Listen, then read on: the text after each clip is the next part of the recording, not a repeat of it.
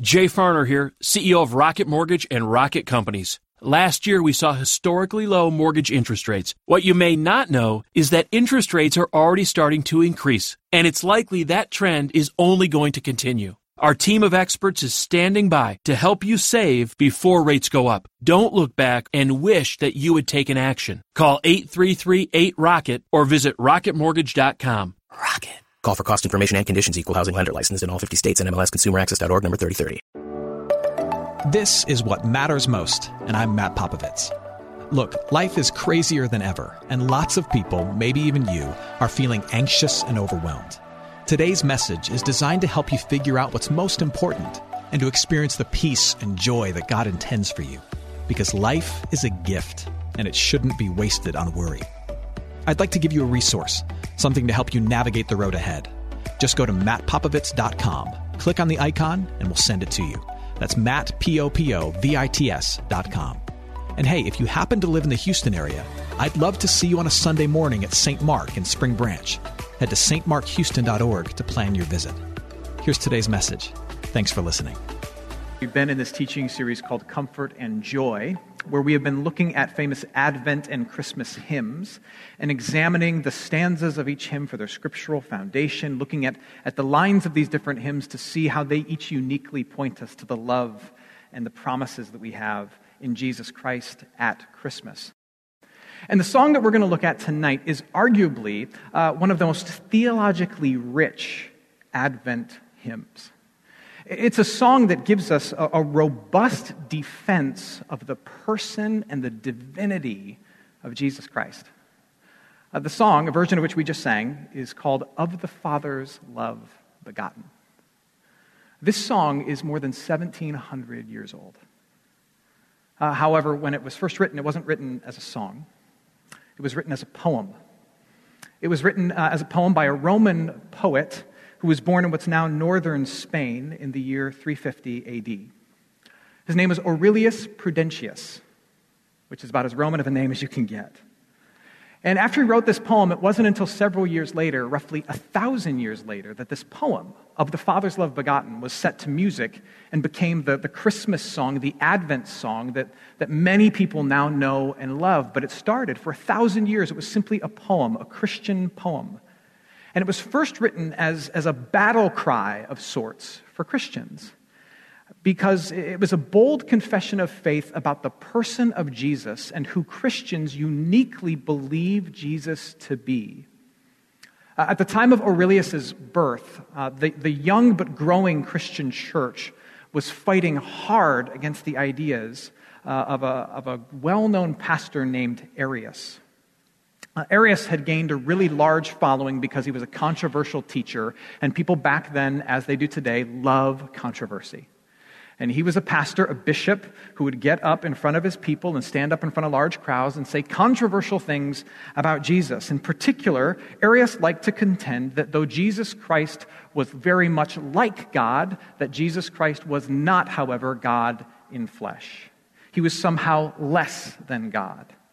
Arius contended that that since Jesus Christ is called God's Son, that at some point Jesus must have been created, handcrafted by the Father, which means there was a time in which Jesus never existed, just like there was a time when you and I never existed, but we came into existence. And so there must have been a time when Jesus was, was crafted by God the Father, which makes him somehow subordinate to the Father, second class in comparison to the Father, less in power less in divine substance, and less in authority. Arius taught that Jesus Christ was somehow less than God in full and God in flesh. Now, as you might imagine, this caused some major divisions and some massive fights in this young Christian church. It threatened to divide the church. And in the middle of that divide, in the middle of that argument, artists like Aurelius stepped forward to defend the traditional teaching, which in that particular day, that was part of the role of artists. And that's really been a role of artists in the life of the church, really only lost in modern times. That when there was a lack of clarity or when there was a need for clear teaching, the artist would step forward and by painting a picture or writing a poem or singing a song, they would declare the truth of the scriptures and put it in the hands and before the eyes of the people. They were the defenders of the truth. And so, in the middle of this divide about who Jesus was, was he really fully God or was he somehow a lesser created being? In steps Aurelius Prudentius, and he writes this poem, this poem which talks, as the song does, about Jesus being the Alpha and the Omega. The reason he says Alpha and the Omega, he says he's the beginning and the end, saying there was never a time where Jesus wasn't. Jesus always has been and forevermore will be. He writes this poem which talks about Jesus worthy of worship as both God and King. And this poem became a rallying cry for those who were trying to defend the teaching about who Jesus is and who Jesus was. This poem was written so that they could memorize it and they could chant it and they could recite it together and teach it to their children so that the truth of Jesus Christ, being not just a good man or a godly man or a holy man, but being God in the flesh of man, would continue. So the question for us tonight is why was that so important? I mean, why was it so important for that theological truth that Jesus Christ is not simply a godly man or a holy man, but is God in flesh? Why is that particular theological truth worth fighting for and writing poems about that last thousands of years? Why is that particular theological truth so central to the Christian faith? Why is it at the heart of the Christmas message to believe that this baby born in Bethlehem, this brave little boy born to die like a man, why is it central to believe that this brave little boy born in Bethlehem is not just a holy man or a good man or a wise teacher, but is the fullness of God in flesh? What do we lose if we lose that truth? Tonight I'm going to argue to you that, that we lose two things. At the very least, we lose two things. If we lose the belief that Aurelius defended and of which we just sang, if we lose the belief that Jesus Christ is both fully God and fully man, God in flesh, if we lose that belief, we lose our confidence in the cross and we lose all assurance of God's love. We lose our confidence in the cross and we lose our assurance of God's love. I want to start deep in the New Testament, 1 Timothy chapter 3. These are words written by the pastor, the apostle named Paul, to a young pastor named Timothy. Listen to what he says. Paul says, The church of the living God is a pillar and buttress of the truth. Great indeed, we confess, is the mystery of godliness. So here's the mystery of God. He, God, was manifested in the flesh vindicated by the Spirit, seen by angels. He's, he's talking about Jesus in poetic language. When he says manifested in the flesh, he's talking about the manger in Bethlehem. When he says vindicated by the Spirit, he's talking about that moment in the Gospels where Jesus rises out of the waters of his baptism, which initiated his ministry. And you see the dove flying over him. It's the Holy Spirit in physical form flying over him to confirm this guy is who he says he is. He was vindicated by the Spirit, seen by angels, proclaimed the nations, believed on in the world, and taken up in glory. Now, the key phrase there is Paul says the church is a pillar and buttress of the mystery of God. Paul says that part of the church's job is to be a pillar for the truth. A pillar holds something up. Specifically, Paul says, the church exists to defend and to uphold this particular mystery that God has been made known in his fullness in flesh. You can fight for a lot of things, you can do a lot of good in the world, but the church is meant to be a pillar upholding this mysterious idea that the fullness of God has been made known in flesh. Because if we lose that truth that Jesus Christ is the fullness of God in flesh, we lose, among other things, our confidence in the cross. Specifically, I'll say it this way if Jesus Christ was just a good man or a holy man, the cross ceases to be effective in paying for the sins of man. If Jesus Christ was just a good man or a holy man, then his cross ceases to be effective in its ability to pay for the sins of man. We believe that, that, that Jesus Christ, though Son of God, is equal with God the Father. Because of Jesus' own words, by the way, where he says, I and the Father are one. No one comes to the Father except through me. If you want to see the Father, look at me, the Son. We are the same.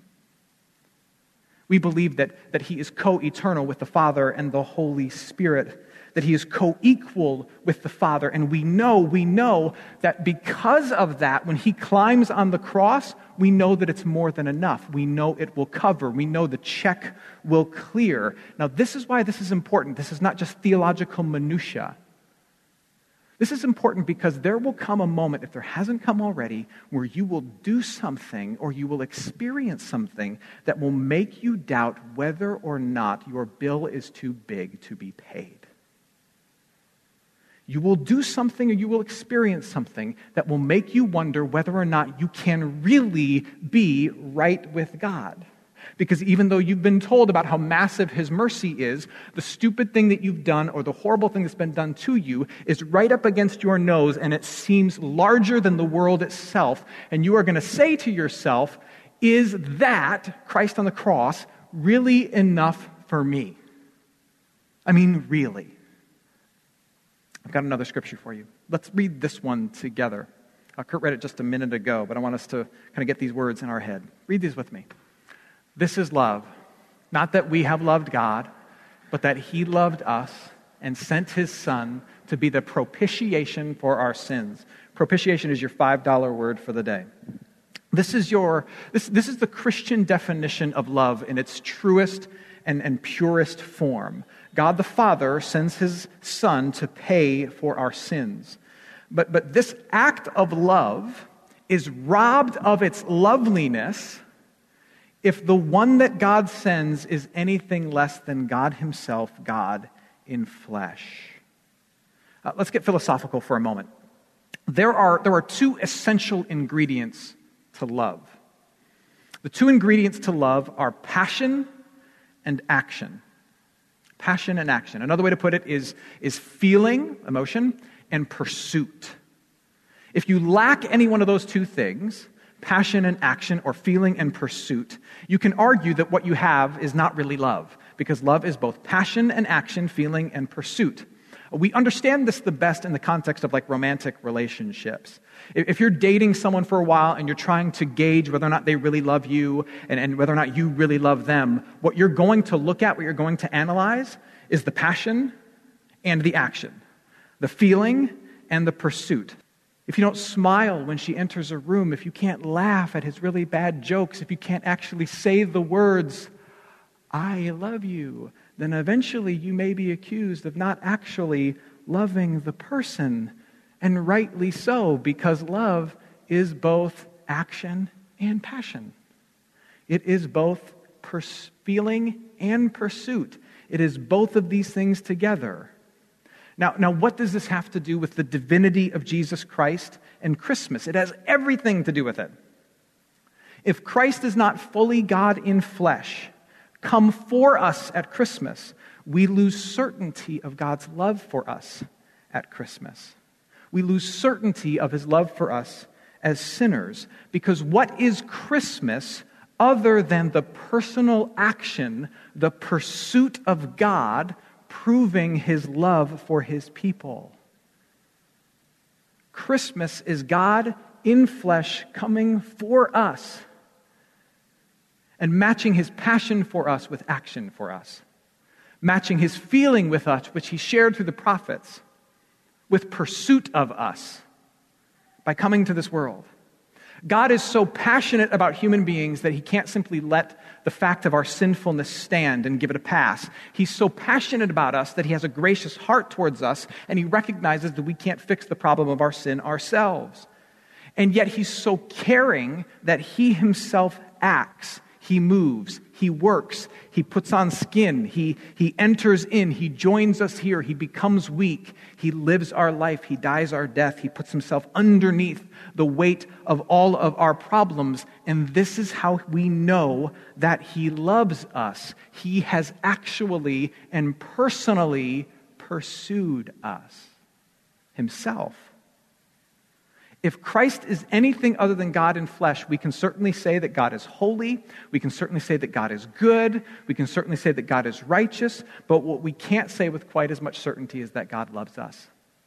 Because if Christ is not God in flesh, then we still live in a world where God has not personally moved, personally acted shown up in our history, in our space, in our time, and knocked at our door, shown up at our airport at the last second before we board the plane, and made himself known and said, I'm here. I love you. You're mine. This is my undeniable action, me in flesh, in person, to prove it to you. If we lose Christ as God in flesh, we lose all of that.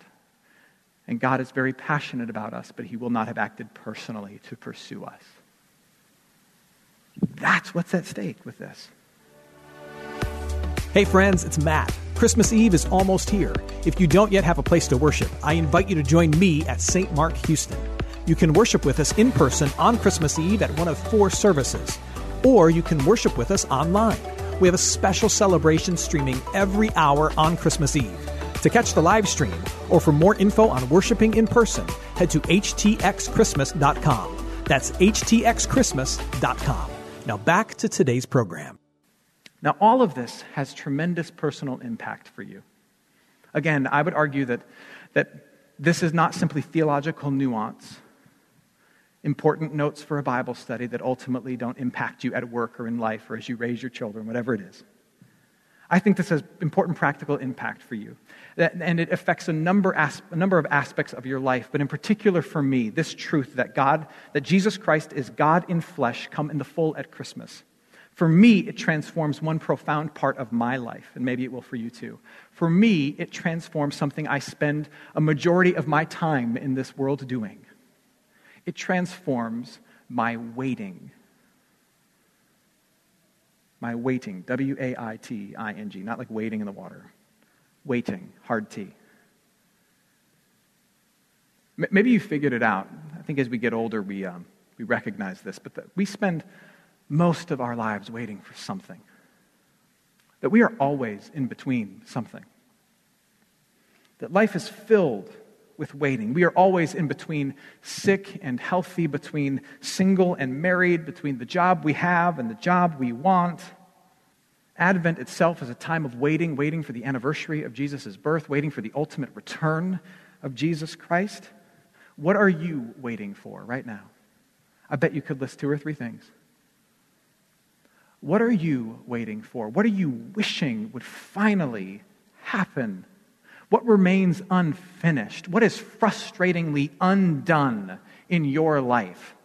What door is wide open and bringing a draft of uncertainty into your life, and you're wishing that this door would finally close, that the other shoe would finally drop, that things would finally be figured out in this particular area of your life? What are you waiting for? We're always waiting for something. What is it for you right now? Now, you might think that this is a non sequitur from the previous part of our conversation, but I would say to you, it is not.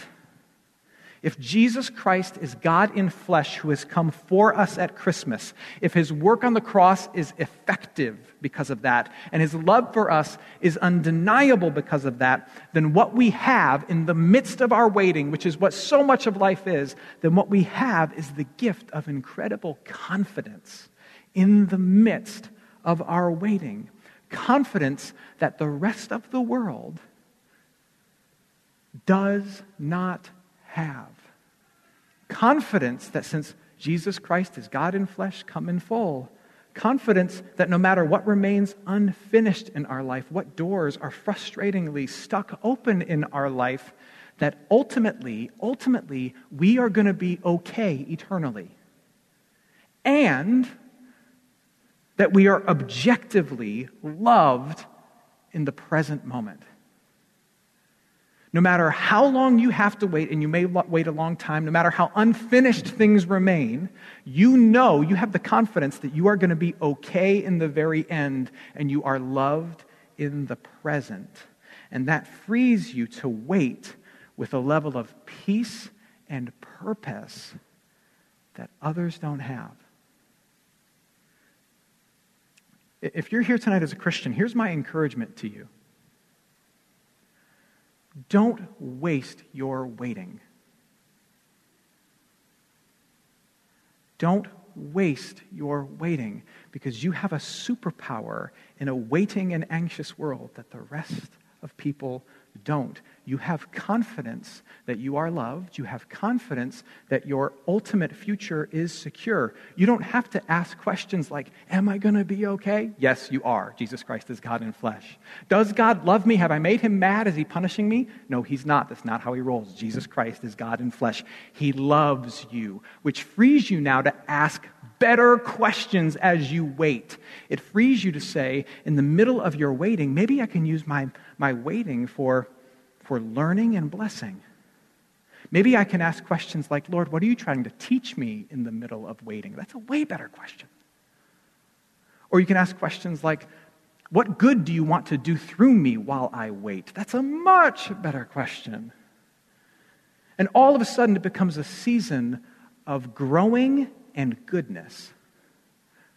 Yeah, you're still wanting that thing to be fixed, but now because you are freed through the incarnation of Jesus Christ to ask better questions, you're freed to ask questions about, Lord, how are you growing me in the midst of this? And what good can you do through me in the midst of this? All because you have confidence about your ultimate eternity and you have assurance of God's love. It redeems the anxiety of waiting. That's, that's what you have. Don't waste your waiting. That's what Advent, by the way, is all about. Wait with purpose. I'll close by just sharing this. The, um, the Arian controversy, as it's called in history, you should Google it. It's fascinating. The Arian controversy threatened to tear the young church apart. So much so that in 325 AD, a council was called of every known Christian leader in the world uh, in a place called Nicaea. The Council of Nicaea was called specifically to, to address this idea of this false teaching that Jesus Christ was somehow less than God. And people gathered, and as you might imagine, things got pretty heated. And history tells us that at one point, as Arius, the bad guy, was stepping forward and trying to defend his, his false teaching that Jesus Christ was less than God in flesh, another pastor, another bishop who just couldn't hold himself back, who couldn't stand this false teaching being propagated, and, and, and saw an opportunity to right a wrong and to correct an injustice, he stepped forward and he punched Arius in the face. Now, what's really interesting about this is that the pastor, the bishop who punched Arius in the face, he was the bishop of Myra, and his name was St. Nicholas. St. Nicholas of Myra is the same pastor, the same bishop who would, who would become known for his generosity to the poor. And, and his legend would grow, and, and the idea of him eventually became St. Nicholas which then becomes Santa Claus, which is just a, like a transliteration of the words Saint Nicholas, Saint Nicholas Santa Claus. So, so follow me here. Here's what you have you have Santa Claus punching a heretic in the face to defend the divinity of baby Jesus, which is an idea so awesome that people throughout history have tried to depict it in art. So here's just one example of, of Arius getting punched in the face by St. Nicholas, which should be a Christmas card everybody should send out. Here's, here's my favorite. This is my favorite depiction. This one says, I came to give presents and to punch heretics, and I just ran out of presents. This song, Of the Father's Love Begotten, is one of the most theologically rich of all Advent hymns. It's a defense against the idea that what we receive at Christmas is somehow less than God Himself. It's a defense against the idea that what we receive at Christmas is a good man or a good teacher no, what we have received is God in flesh, God in full, which makes us confident of the cross and makes us absolutely certain of his love. And that gift, the gift of God in flesh, changes everything, even your waiting. And it is certainly worth fighting for. Hey, it's Matt. I hope you enjoyed what matters most. Here's what I need you to know. Life is a gift, and it shouldn't be wasted on worry. I want to help you figure out what's most important and to experience the peace and joy that God intends for you. So, for more content, you can head to mattpopovits.com. That's Matt, P O P O V I T S.com. There, you can also support this ministry as well as access your free resource, a little something to help you navigate the road ahead. I'd also love to see you on a Sunday morning. If you're in the Houston area, head to stmarkhouston.org to plan your visit. In the meantime, hit me up on Instagram at mpopovits or at facebook.com slash Matt Popovits Ministries. Thanks for listening. Now go and hold tight to what matters most.